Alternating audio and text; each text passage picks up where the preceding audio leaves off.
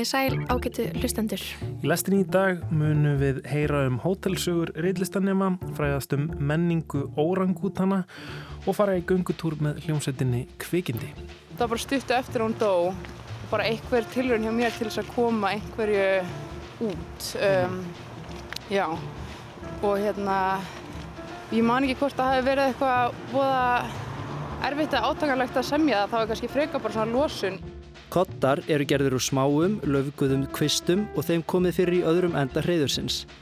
Teppi eru örlittlu stærri greinar, einni þættar löfum, sem órangútanar draga yfir sig eftir að þeir leggjast til kvílu. Öll rúmfött og einkennisbúningar starfsmanna voru sendir til fátakra landa þar sem efnarleitlum konum hefur verið útvöðu vinna við að sníða og sauma úr þeim eitt og annað nýtilegt og fallegt. Ég heiti Lóa Björg Björnstóttir. Ég heiti Kristján Guðjónsson og þetta er Lestin mánudaginn 17. oktober.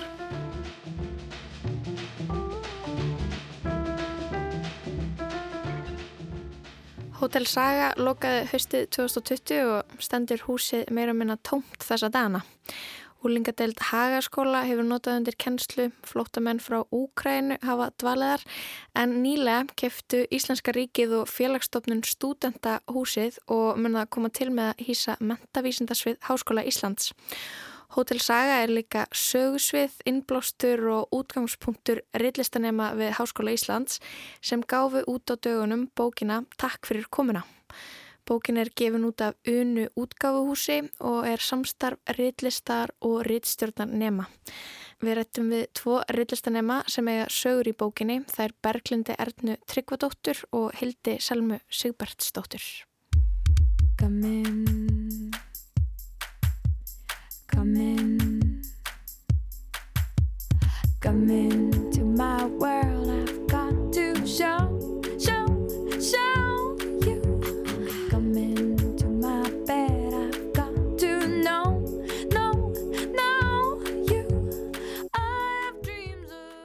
Hjá mér sitja þær Berglind Erna Tryggvadóttir og Hildur Salma Sigbertsdóttir. Þær eru meðal þeirra tíu höfunda sem að eiga sögu í þessari hérna bók sem ég er með höndunum. Takk fyrir komuna. Takk fyrir komuna, Stelpur. Takk, takk fyrir að fá okkur. Uh, Segjum mér aðeins frá þessari bók. Þetta er sem sagt bók sem við um, erum komum um 16 konur að, uh, 10 reythundar og 3, nei 6 reythstjórar. Um, og unnum hana svolítið hratt síðasta vor eða byrjuðum að vinna aðinni svona um meðan janúar uh -huh. og hún var svo tilbúin senasta vor. Þetta er samstarf þeir í reitlistinni og þetta er samstarf ykkar með reitstjórum eða reitstjóra nefnum í reitstjórn. Já, reitstjórn og útgáfi. Já, masters nefnum. Emmitt. Það stendur hérna aftan á Hotel Saga, Geimir, Ímis, Lindamál og Ævintýri. Er, er Hotel Saga hótelið, Já. er það vettfangur allra, er það sögursviðið? Já, það er sérst sögursvið allra sagnana eða sko hótelsaga kemur við í öllum sögunum. Já, það var kannski svona uppháspunkturinn okkar, okkur okay. langaði að e, við byrjum bara með alveg aukt blað og, og okkur langaði svona að e, hafa eitthvað svolítið stert þema sem mm. að væri svona, þú veist, ekki eitthvað svona tilfinningar. Ekki eitthvað mjög opið. Nei, frekar svona... Afmarka ykkur aðeins. Já, mm -hmm. og hérna e, vorum svolítið bara að henda fram hugmyndum og, og það kom alls konar upp IKEA, Birkifræ held ég var ein hugmynd, mm -hmm. e, vampýrur, vampýrur og Birkifræ held ég mm -hmm. hafi komið svona saman e, og svo endur við einhvern veginn á hótelsögu og við erum náttúrulega hérna í háskólanum Já, þeir eru bara nálægt. Við hliðin á mhm. hótelsögu og þetta var einhvern veginn mjög stuttu eftir að það bara alveg lokaði að öll starfsemi eða svo að, já, hætti mm -hmm.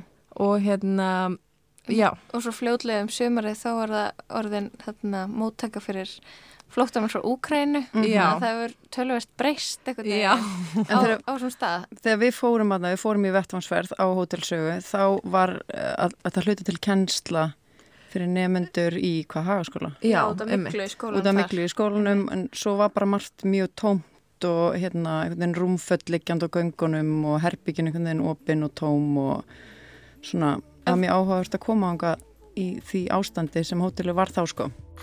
Floaters in my eyes. Wake up in a hotel room. Cigarettes and lies. I am a child. It's too soon. I have dreams of whales and owls, but I. Þegar þið eru svona að skrifa og, og undirbúið þetta, farið í eitthvað rannsóknarvinnu eða þú veist, er ímyndunarafli eitthvað leikur, eh, leikur það lausum hala eða, þú veist, voruð skilur hvernig nálgust þið þetta?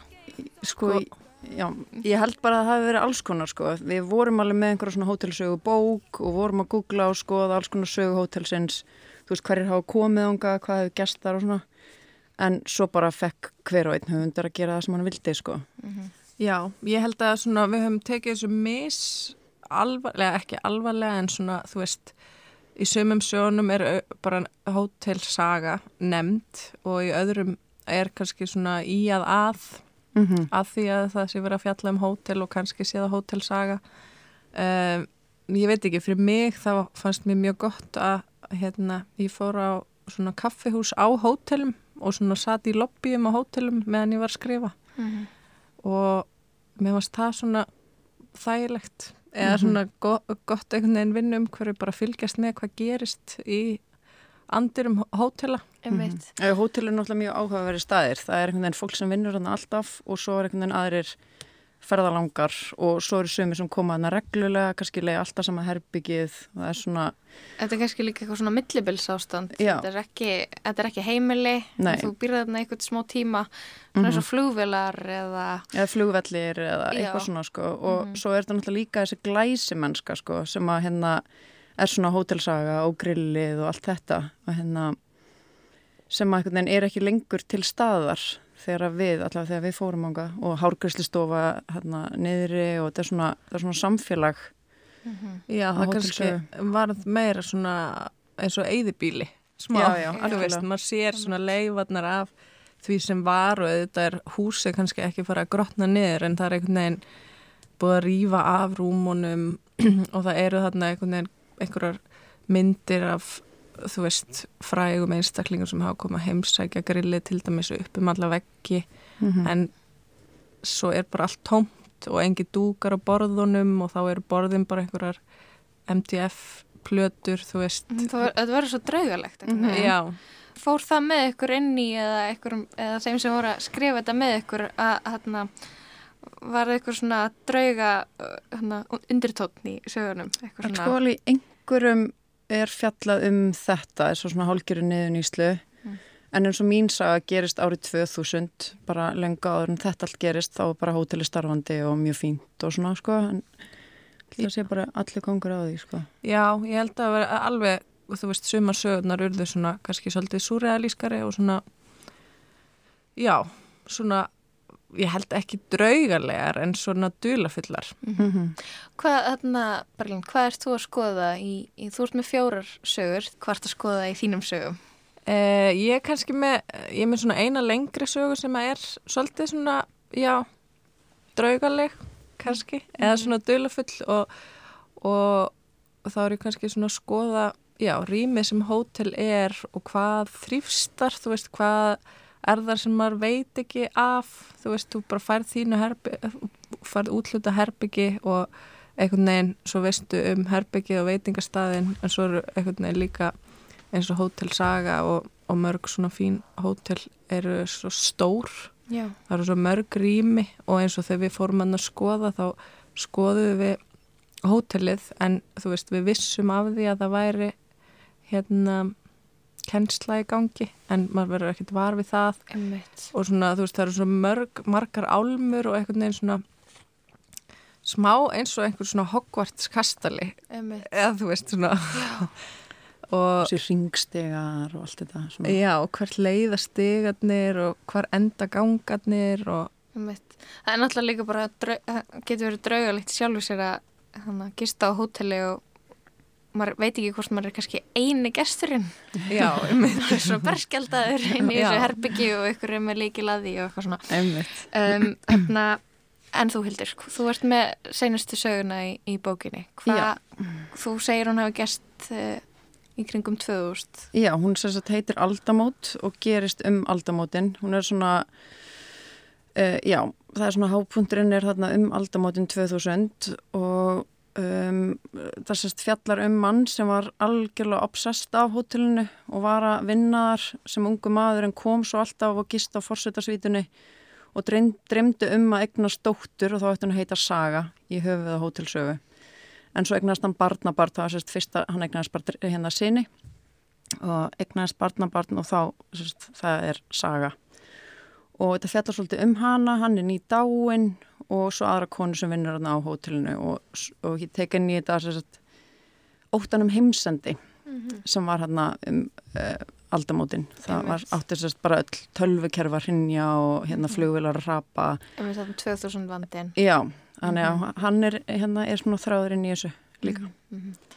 Áður en að þið ákveðu þetta þema er, eh, er hótel eitthvað svona sem þeir, sögursvið sem þeir hrifnur af að, skrifa um almennt eða, eða var þetta bara svona nýtt, eh, ný áskorun? Það segið að vera nýtt en mér finnst þetta samt ennþá mjög áhugavert. Mér finnst þetta ekki eins og maður sé, mér finnst þetta alveg fullt eftir sem að maður gæti skrifað um, sko.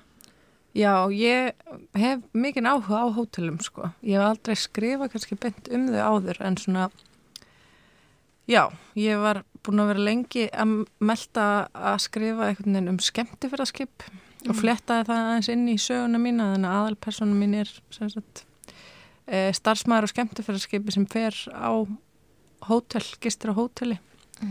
E, og já, þannig að mér finnst þetta ennþá mjög spennandi en hafðu kannski ekki unni með þetta eitthvað mikið áður. Gerið þið þetta oft í náminu að þið veljið ykkur eitthvað svona þema til að skrifa út frá og farið öll að skrifa um það sama?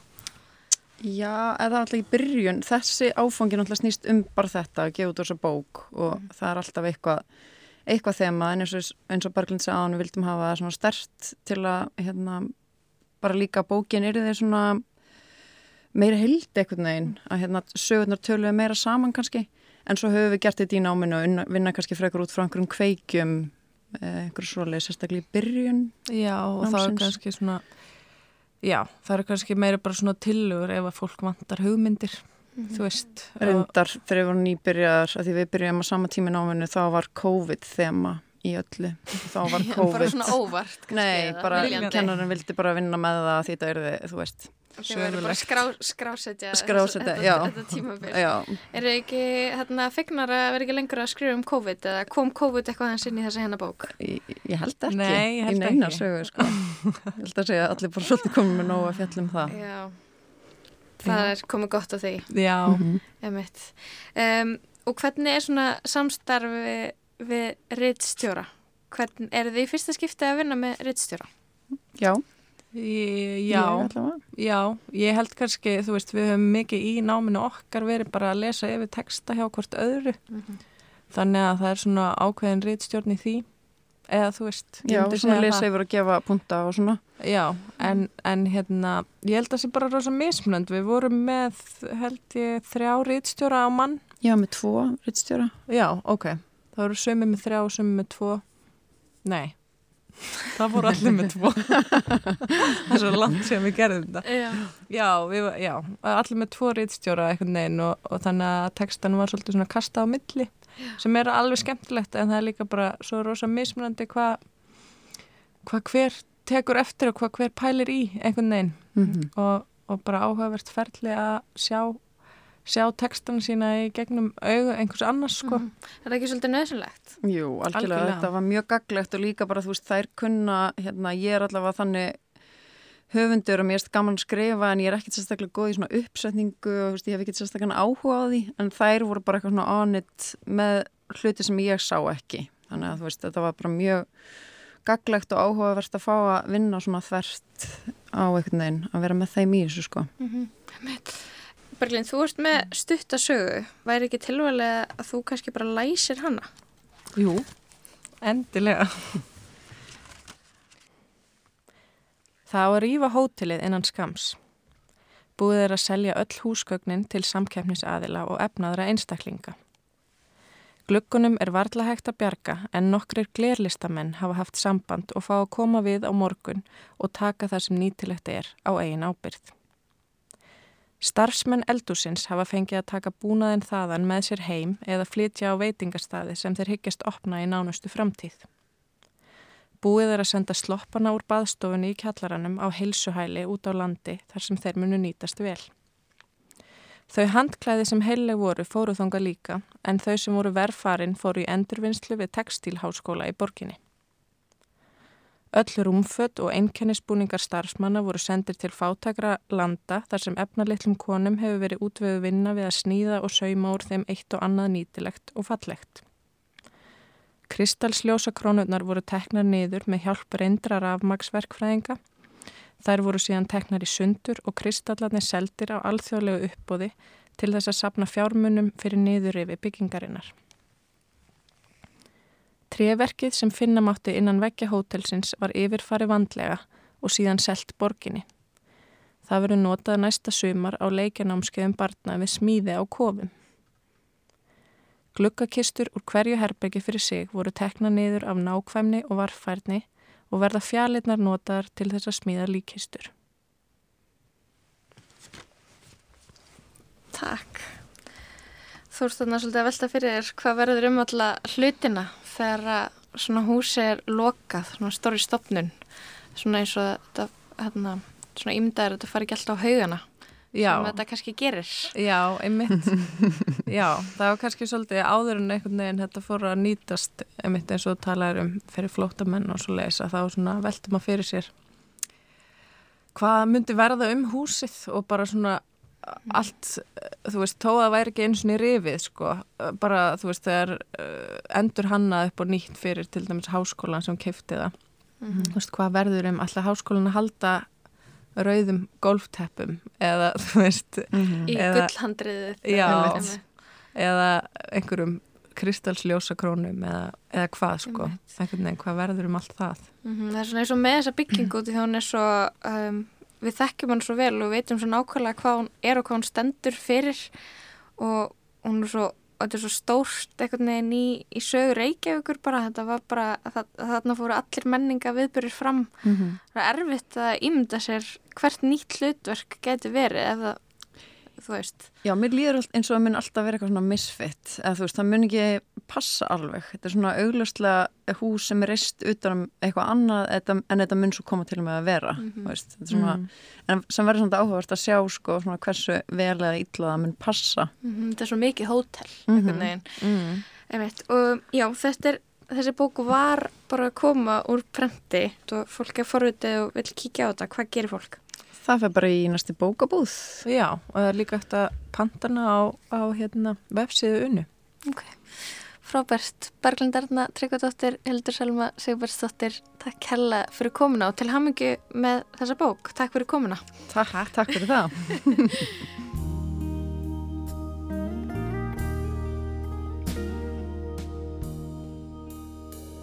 I remember you well in the Chelsea Hotel. You were talking so brave and so sweet. Giving me head on the unmade bed while the limousines wait in the street. And those were the reasons, and that was New York. We were running for the money and the flesh. And that was called love for the workers in song, probably still is for those of them left. Ah, but you got away, didn't you, baby?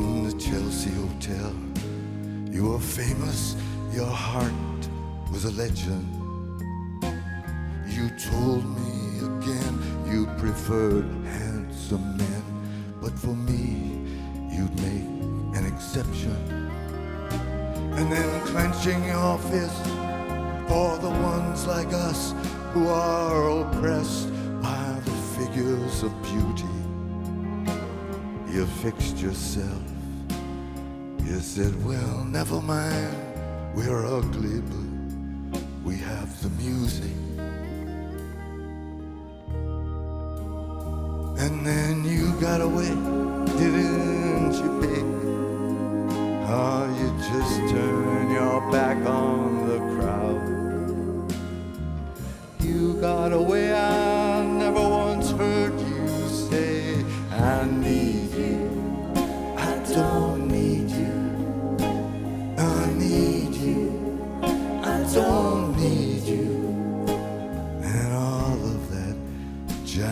around.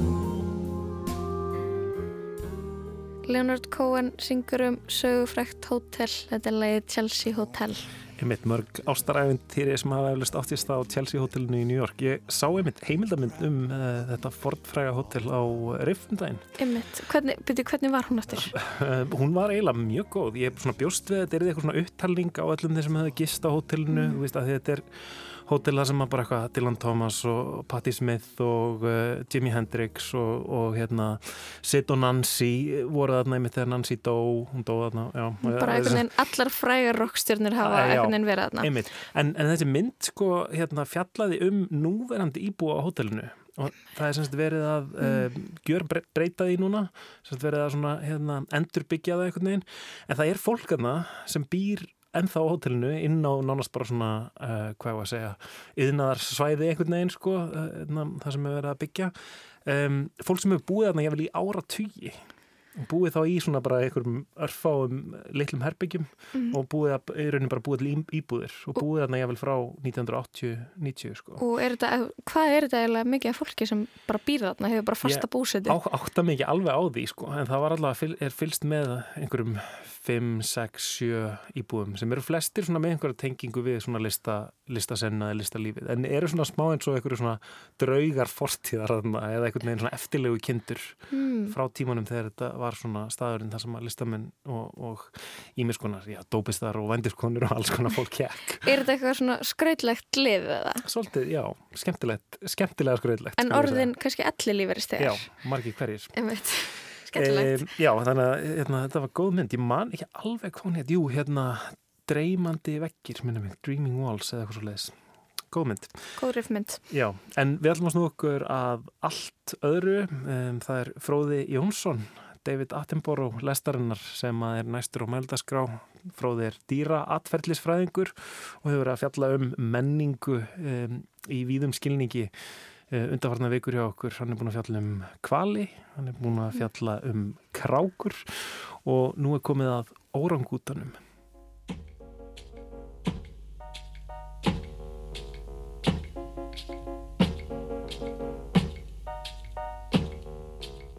Menning innan dýrasamfélaga nýtur sí aukina vinsælda sem viðfangsefni náttúrufræðinga og annara vísindamanna. Dýr teljast eiga sér menningu þegar þekking, fyrirbæri eða atferðli er einkennandi fyrir ákveði dýrasamfélag og er viðhaldið innan þess með félagsnámi. Frekar en að vera tilkomið vegna erða eða vistfræðilegra aðstæðina. Félagsnám á sér stað þegar lærdómi dýrs er auðveldaður með því að fylgjast með, umgangast eða eiga samskipti við annað dýr, oftast af sömu tegund eða afurðir þess.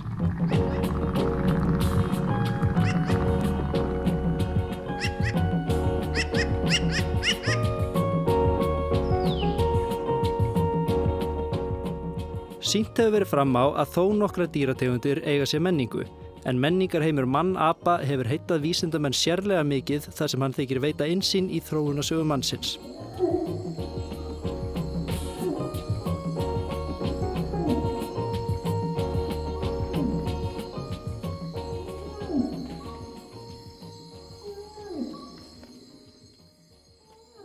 Órangútanar tilheyra mannætt á samt górilum, simpönsum, bónóbúöpum og okkur munnunum. Rauðbrún eða appelsinugulur feldurinn er einkennandi fyrir þá, en það er tegundaheiti þeirra dreigið af appelsinugula litnum. Þeir skiptast í þrjár undirtegundir eftir heimkinnum þeirra, Borneo, Súmudru og Tapanuli sem er svæði á norðanverðri Súmudru. Órangútanar verja talsvert meiri tíma upp í trjám en aðrir aparmann ættarinnar og skiptir það þá miklu máli að dvalarstaður þeirra þar sé notalegur. Mjúkir og þægilegir dvalarstaðir eru þó ekki á hverju strái. svo þeir hafa tekið upp á því að búa sér sjálfur til reyður í trjánum í um 10 til 20 metra hæð.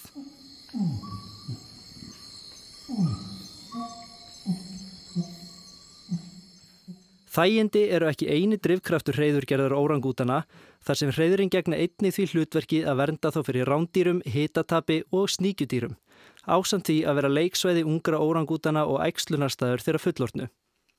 Hver og eitt fullorinn órangútan gerir sér nýtt hreyður á hverri nóttu og af og til dagshreyður sem nota er til hérna ímsu aðtapna. Dagshreyðurinn eru yfirleitt einfaldari í hönnun og nostra órangútanar ekki eins mikið við gerð þeirra.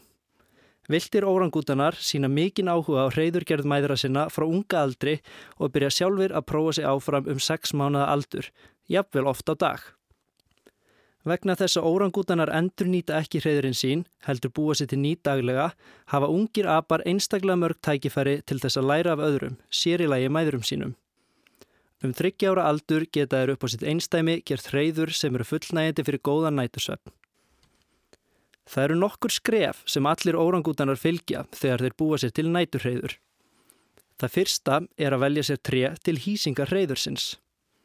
Það kann að hljóma einfalt mál en þeir eru nokkuð vandfísnir á trean.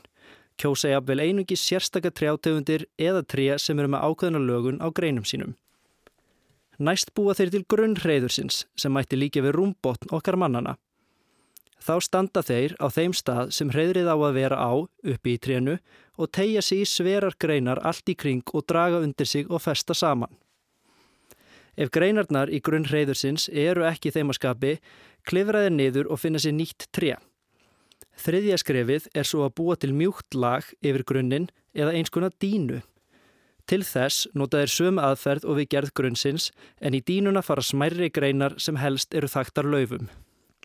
Fjórðaskrefið sem er það síðasta sem er sameigilegt með öllum næturhöðurum órangútana kallast læsing.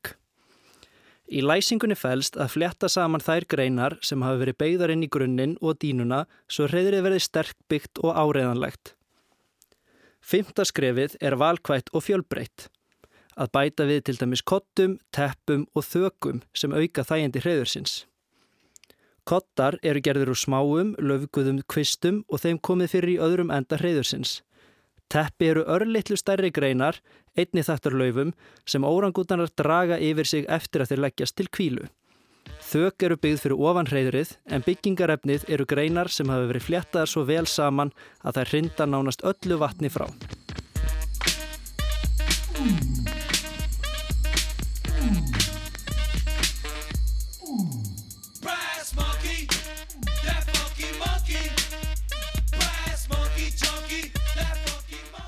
Monkey. Hreyðurgerðin í heild er því engar tilkomi mikil og auðvelt að ímynda sér að hún sé menningar fyrir bæri þar sem hún lærist í meginadröfum félagslega. Því er þó ekki svo farið þar sem sumir órangútanar í dýragörðum og öðru haldi gera sér hreyður ef þeim er veittur efni við til þess, án þess að hafa lært það af öðrum, svo félagsnám er ekki skilirði fyrir þessu atverðli. Einnig gera allir fullornir órangútanar í náttúrunni sér hreyður sem sýnir fram á að fyrirbærið er ekki bundið sérstökum samfélögum. Hins vegar hafa mismunandi samfélag órangútana búið sér til mismunandi vennjur í hreyðurgerð sem ekki er hægt að rekja til vistfræðilegra aðstæðina eða erfða. Þeim er viðhaldið með félagsnámi innan hvers samfélags og eru rót grónar innan þeirra. Þær eru því menningafyrirbæri. Laufburður er einn þessara venja en það er þegar órangútan sækir sér efni við til hreyðugerðar, í þessu tilviki mjúkar og laufþéttar greinar, talsvert frá fyrir hugðum hreyðurstað. Alla jafna eru hreyður órangútana gerð úr nánasta umhverfi hreyðurstaðarins, þar sem apinn stendur og tegir sig í þær greina sem hann næri í, en þessi fáu nærlíkjandi laufberandi samfélög velja sér greinar á ferðalagi sínu um rekskóin og bera þeir með sér að því tré sem þeir hyggjast gera sér hreyður í. Þetta læra órangútanar þegar þeir eru ungir af þeim fullornu eða jafnöldrum sínum sem hafa þegar lært þessa hegðun. Vísindamenn telja ástæðuna að baki þessa atverðlis vera þá að órangútanar séð að samina eftirlætis efni við sinn úr einni trjátegund sem inniheldur efni sem fælir frá moskítoflugur og hagstæðir byggingaræðstæður annarar tegundar. Annað dæmi um menningarfyrirbæri tengt reyðurgerð órangútana eru köll og hljóð sem þeir gefa frá sér á meðan smíðinni stendur eða eftir að henni er lokið.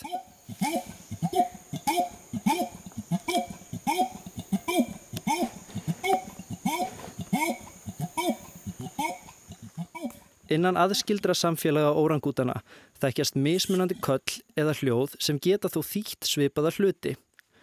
Því deila einstaklingar innan samfélags sama skilningi á hljóðum og köllum sem eru í raun handahófskend og höfðu til að byrja með enga sérstaka merkingu. Sem dæmi um þetta má nefnað órangútanar í Suak Balimbing í norður hluta Súmödru gera eins konar fruss hljóð þegar þeir eru að klára hreyðugerð til þess að tilkynna nágrunn sínum að þeir séu að hafa sig í háttin. Fleiri menningarfyrirbæri eru talin vera tengt hreyðurgerð órangútana þó frekar er rannsóknir eigi eftir að skera betur úr um það. Til dæmis eru til skoðunar gerð sólhlífa, nögun kvista í kotta til þess að gera þá minna ottkvassa og gerð flugnaspaða úr greinum. Það verður þó sífelt erfiðara að rannsaka vilda órangútana þar sem stoppt þeirra minkar ár frá ári, en allar þrjár undirtegundirnar eru í bráðri útrýmingarhættu samkvæmt lista alþjóðlegu náttúruvendarsamtakana EUCN. Aðalega vegna eyðingar skóar til þess að rýma fyrir plantegrum til framleiðslu pálmáolíu.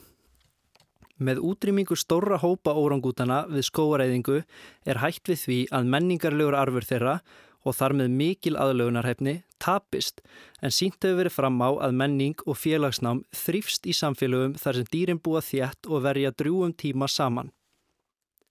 Sveigurum frá hættum umhverfisins er þó nöðsynlegt þar sem vísindamenn hafa einni komist að því að þéttleiki ítir ekki undir félagshauðun ef órangútanar eru þvingaðir á þröngt svæði sem gerist hjá eftirlifendum skóareiðingar.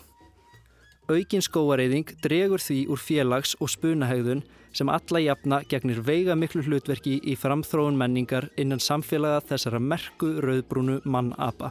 One Monday morning I got up late and there was Mr. Monkey outside me gate. One Monday morning I got up late, there was Mr. Monkey outside me gate. Don't know what to say, the monkey won't do. Don't know what to say, the monkey won't do. Don't know what to say, the monkey won't do. Don't know what to say, the monkey won't do. My girl came over to have a drink. I came downstairs and what do you think? The monkey had a run and he let her in. He poured her a glass of me favorite gin. I don't know what to say, the monkey won't do. Don't know what to say, the monkey won't do. When I drink gin, monkey drink gin too. Don't know what to say, the monkey won't do. The yard to get a stick, but I'm telling you, friends, that monkey was quick. Cause when I returned, much to my disgrace, Mr. Monkey had my gal in a mad embrace. I don't know what to say, the monkey won't do. Don't know what to say, the monkey won't do. Don't know what to say, the monkey won't do. Don't know what to say, the monkey won't do. Yes, sir. Up.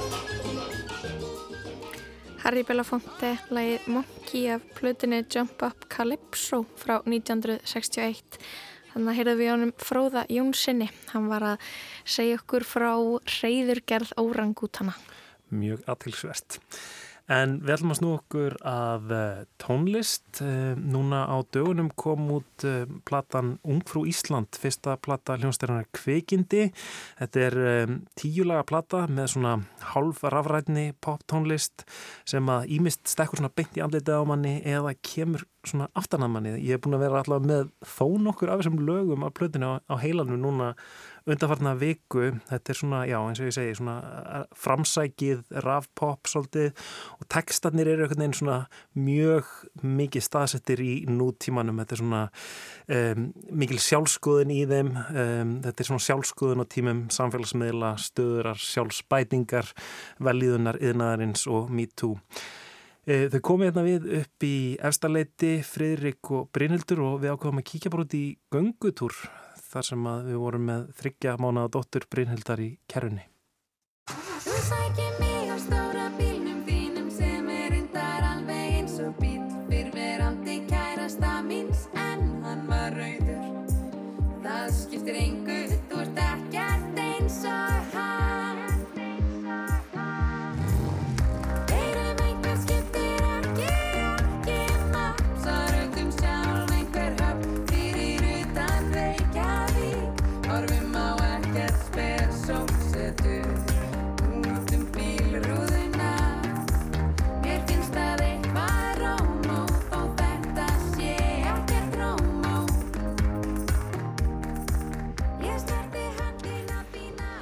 Herðu, ég er komin hérna út í göngutúr með um, Brynhildi Kallstóttur og Friðriki Margreðar Guðvundsinni meðlefum í hljómsveitinni Kvikindi og hérna með okkur er líka Sólei, um, það er rauninni hennar vegna sem við fórum hérna út.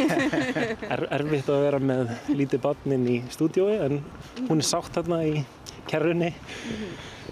Herðu krakkar, til hafingjum með plötin ykkar, Ungfrú Ísland. Takk fyrir. Hérna, segið mér, þið eruð um, bæði búin að gera ímislegt í tónlist. Brynhildur, þú varst í Hormónum sem að vinnum músitilunir og gerði það gott í nokkur ár. Og, og Friðrik, þú hefur fengið verðlun fyrir óperu og verið svona meira kannski í klassiska heiminum. Hvernig, hvernig gerist það að þið farið að vinna saman? E, já, það er nú eiginlega honum e, Stefán Yngvari uppistandara að þakka. Við vorum sett, kynntumst í skólanum svolítið í gegnum hann. Hann var með okkur í, í lista í með Brynildi á hérna, Sviðsöndabraut og ég og Stefán þekkjumst bara úr mentaskóla og e, já, hann eiginlega svona svona smá, ég vil ekki segja neitt okkur en, en svona tók það skýrt fram að hann vildi að við myndum gera Þetta er tónlist smá saman. svona arranged marriage. og okkur fannst það líka svo spennandi einmitt að því við erum að koma úr svo ólíkum áttum einhvern veginn, þú veist, að hittast í miðjunni og gera pop saman. Mm Þannig að það var svona, já, það sem við lögðum á stað með að, uh, að því að pöngið og klassíkin er kannski bæðið svona á jæðrinum að einhvern veginn vildum gera poptónlist sem væri svona aðgengileg og skemmtileg. Sko ég var einmitt að hugsa þetta, ég var að reyna að hugsa hvernig tónlist er þetta? Og hérna mín pæling var einmitt, þetta er bara einhvern veginn svona framsækið pop, þetta er svona pop, eða þú veist, þetta er tónlist sem leifir sér að vera einhvern veginn fara út um allt, uh, gera hvað sem einhvern dettur í hug hvert skipti, en síðan er alltaf þessi popkjarni og popið jafnvel notað sem svona einhver svona meðvita stílbræð einhvern veginn bara.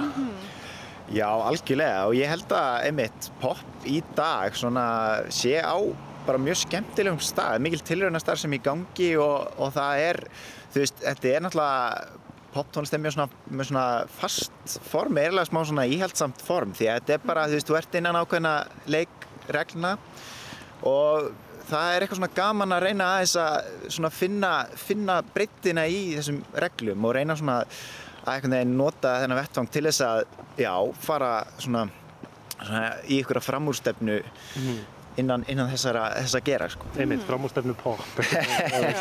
Já, ef, að- ef það er hægt að, ef það er eitthvað til sem heitir framúrstefnu pop. Mér finnst það líka einhvern veginn að þú ert að segja þetta er svona svolítið, leifir sér svolítið margt að þetta er einhvern veginn, ég og kyn, eh, Frikki vorum líka einhvern veginn að kynnast svo mikið á meðan við vorum að gera þessa plötu þannig að þú veist, að hittast og vera einhvern veginn bara með svona ég veit ekki, hvað við prófum að gera ógæslega hægt og svo hraðast það ógæslega mikið, eða veist, koma með bara eitthvað svona alls konar hugmyndir í bara svona frjótt uh, vinnu umhverfi. Og mér fannst það, ég var að hlusta á hérna podcastið þeirra Bjarkar hún er að tala um skilir að fara frá því að vera í pönglumsveit yfir í að vera í stúdíó að vinna með kannski svona einum, tveimur og það sé svona eins og að vera í uh, nammibúð, þú veist, það er bara svona allt mögulegt, bara er þetta að breyta þú veist, öll hljóðfari í heiminum, er þetta að breyta röddunum og eitthvað.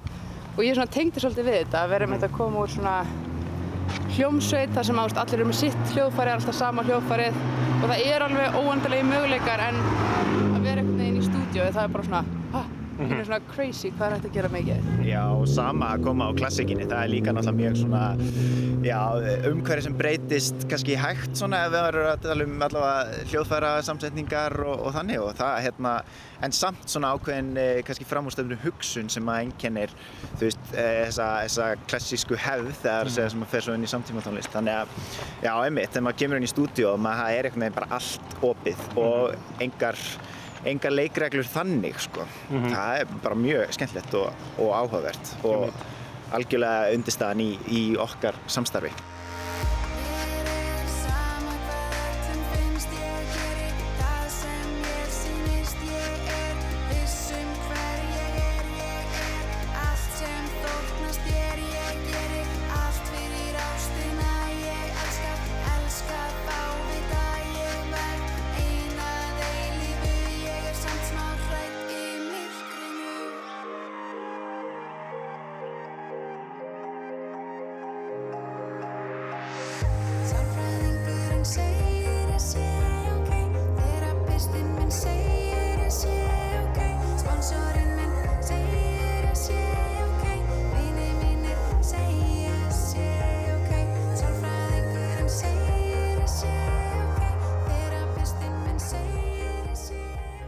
þú ert náttúrulega líka dansargerðarmæður á, Rása 1 og ert með, ert með þætti þar sem heitir Lofthelgin og þar er einmitt framúrstefnan, þar á hún heima einhvern veginn. Uh, maður veit aldrei alveg hvort að þetta sé tónlistin eða hvort það séu hérna rúðuþurkarnir í bílnum sem eru en, en, en þú ert samt einhvern veginn svona poppaður inn við beinið sko, ég hérna Uh, kynntist þér nú þegar þú varst unglingur og þá hlustaður mikið á Linkin Park Jú, einmitt, já, og bara dýrka Linkin Park, eða það er að segja gamla, gamla dótið þeirra ennþá, það sem ég hlusta á þegar ég var lítill, það er auðvitað svona fyrsta hljómsveitin sem að ég var bara svona alveg ástofngin af og það er náttúrulega, þú veist, eins og með Linkin Park, það er bara svona þetta númetal, þú veist, þetta er svo áhugavert og ég er náttúrulega svona mjög, hef alltaf verið mjög áhugasamur um skrítnar tónlistastefnur, sama hvort að þær séu vinsæl eða óvinsæl, ég er til dæmis mjög hrifin líka dubstep, mér finnst það bara svo áhugavert að þessi tónlistefni hafi orðið til. Og ég, ég var alveg svona smáhaldin þráhyggja að ég komast að því svona hvernig hvernig hún var til. Og ég fór svona fyrir nokkrum árum að hlusta bara alveg fór að hlusta á bara svona hefðbund og tónlist frá Jamaica og svo inn í svona skæð og reggeið og svona þannig inn í dubbið og svo að reyna að skilja þessa veist, bresku stefnu einhvern veginn hvernig þetta, ég bara skildi ekki hvernig það var til og ég var alveg húgt á þessu. Þannig að já, ég bara, þú veist Mér finnst bara, maður á ekkert skammast sín fyrir að fíla vinsæla tónlist að hlusta lengi park. Sjálfsög ekki. En hvernig, hvernig er þetta? Er, er eitthvað svona skýr verkaskipting hjá ykkur?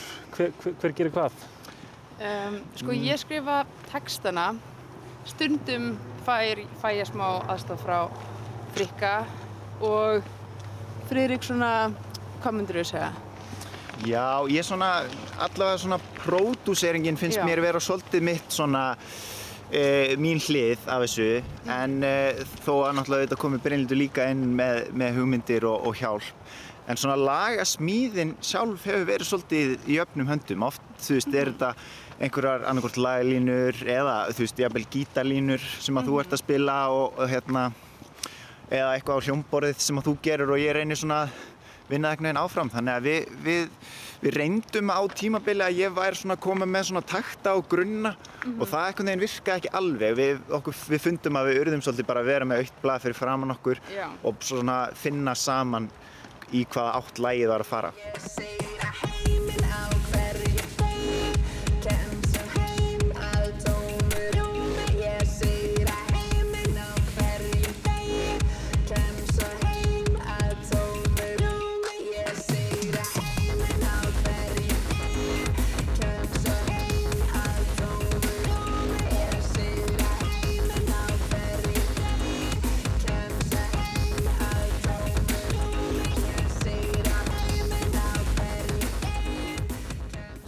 Já, textarnir, mér finnst þeir mjög skemmtilegir og þeir, þeir eru einhvern veginn, sko, mér finnst þeir tala svo mikið inn í nútíman að, að svo mörgu leiti.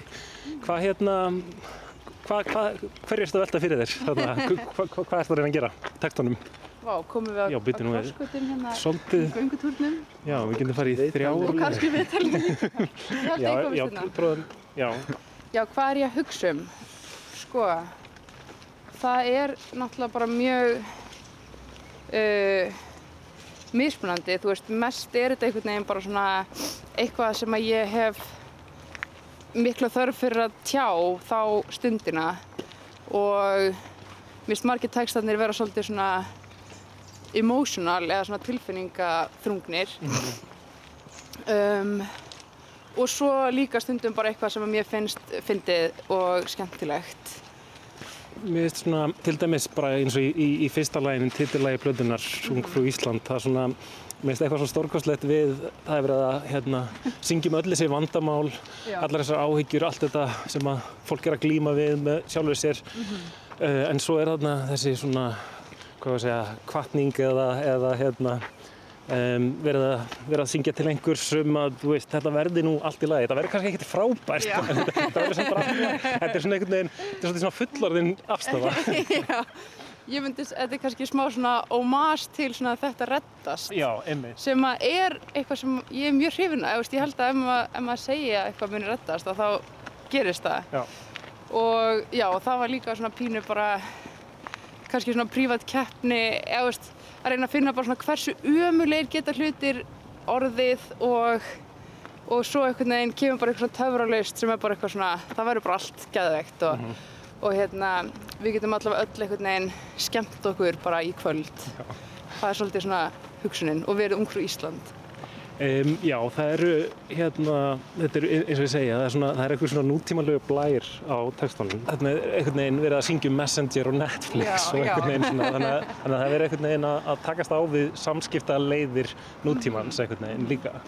Mér finnst þetta svona kannski textarnir ekki taka sig kannski mjög alvarlega og kannski við ekki heldur, þú veist, svolítið svona um, já, þetta á að vera fyndið og skemmtilegt og við erum ekki endilega einhvern veginn, ég veit ekki, með svarið eða eitthvað betri heldur en veist, einn eða annar og mér er svolítið skemmtilegt þegar þetta er bara svona eins og eitthvað talmáli, eitthvað sem að fólk, þú veist, tengi við og er eitthvað relevant fyrir fólk. Um, já, en ekki eitthvað svona of, ég veit ekki, en, engin svona helgislepja einhvern veginn. En, en ég minna samt að þegar að takast á við þung, erfið málefni og þarna er þarna til dæmis eitt lag sem að heitir eftir vinkunniðinni sem, að- sem að er dáin. Mhm. hvernig, hvernig var til dæmis að, að, að semja og syngja það? Sko, ég, við, ég held að ég hafi bara, við höfum bara einu sinni flutta live um, og þetta var svona, þetta er elsta lagið held ég á plötunni um, og þetta var bara eitthvað, eitt af þessum lögum sem bara komu mjög svona uh, allavega, þú veist, textin og melodían bara í bara einhverju svona einu sessjoni og þá já, ég veit ekki eins og hvernig ég get útskýrt, þú veist, hvað. Þetta var bara svona svo mikill þetta var bara stuttu eftir hún dó. Og bara einhver tilraun hjá mér til þess að koma einhverju út. Um, já.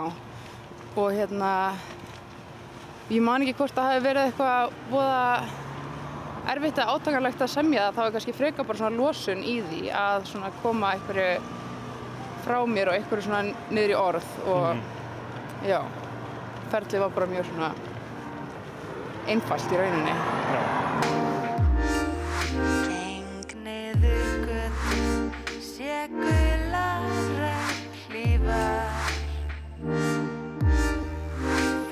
ég sjá þig þar en ég stoppa mig af. Tala við alla,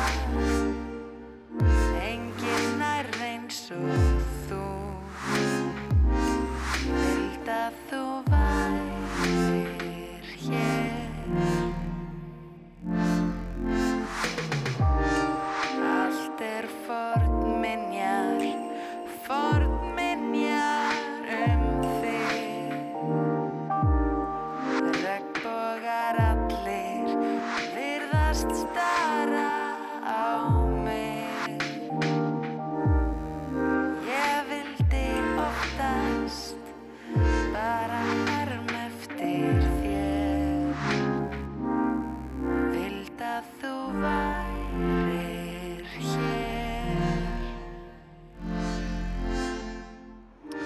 finnst svona umgjörðin í kringum hljó- hljómsveitina líka vera skemmtileg. Það er hérna plötuumslæði til dæmis. Uh, ég, ég veit ekki alveg hvað er að eiga sér stað þarna. Það eru, það eru einhverja tvær verur sem sitja í framsæti á bíl og er að gefa hver, hver öðru hérna, eh, kveikja í sígarettu á henni. Uh, það eru einhvern veginn, um, ég sé fyrir mér einhverja gemverur þarna sko og, og, og svo er það búin að að gera myndbönd við mikið af þessum lögum og svona. Eru það að hugsa þetta, þú ert náttúrulega sviðs, sviðs, Sviðshöfundur. sviðshöfundur, þannig að þið kannski hugsið þetta svona heldrænt einhvern veginn. Já, klálega og, og hérna, það er bara rosalega mikilvægur partur að vera hljómsveit er svona hvernig maður einhvern veginn varpar síninni út til eh, áhörenda, ekki bara í gegnum hljóð heldur í gegnum, gegnum mynd og myndir og myndbönd og við erum bara svo ótrúlega heppin að eiga hérna vini sem að eru ótrúlega klárir þú veist eins og hérna Birnir sem að tók þessa mynd og við vorum um að gera myndbandi við hérna Sigra Heiminn.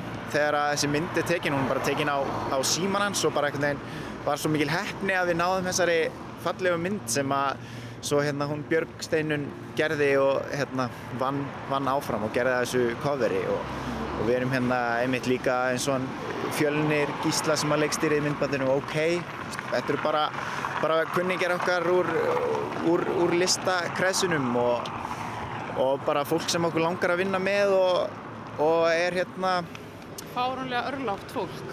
Bara, Já. þú veist, engin, við höfum valla borgað neinum, skömm, skömmaði, en þú veist, það er bara svona, líka því við höfum kannski ekki fengið mikið borgað, en það er, já, einstaklega.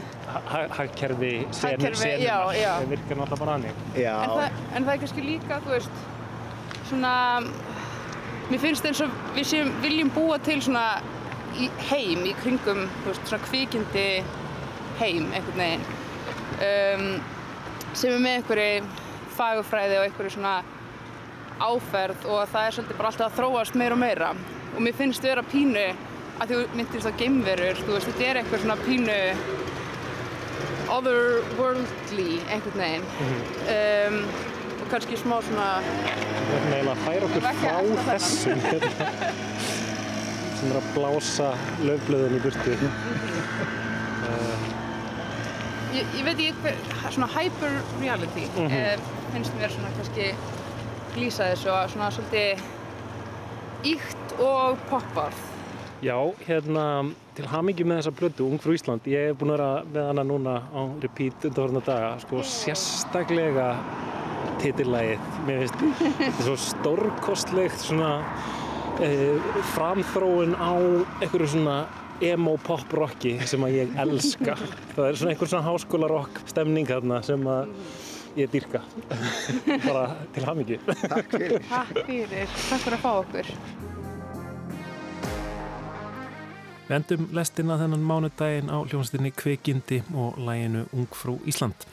Já, og þar með þættinum lokið dag. Lestin rúlar aftur á sama tíma á morgun og hvena sem er í rúf spilaranum og hlaðvarp sveitum. Við Kristján Lóa og Litja Gretarsdóttir tæknumæður þökkum fyrir samveldina. Verðið sæl.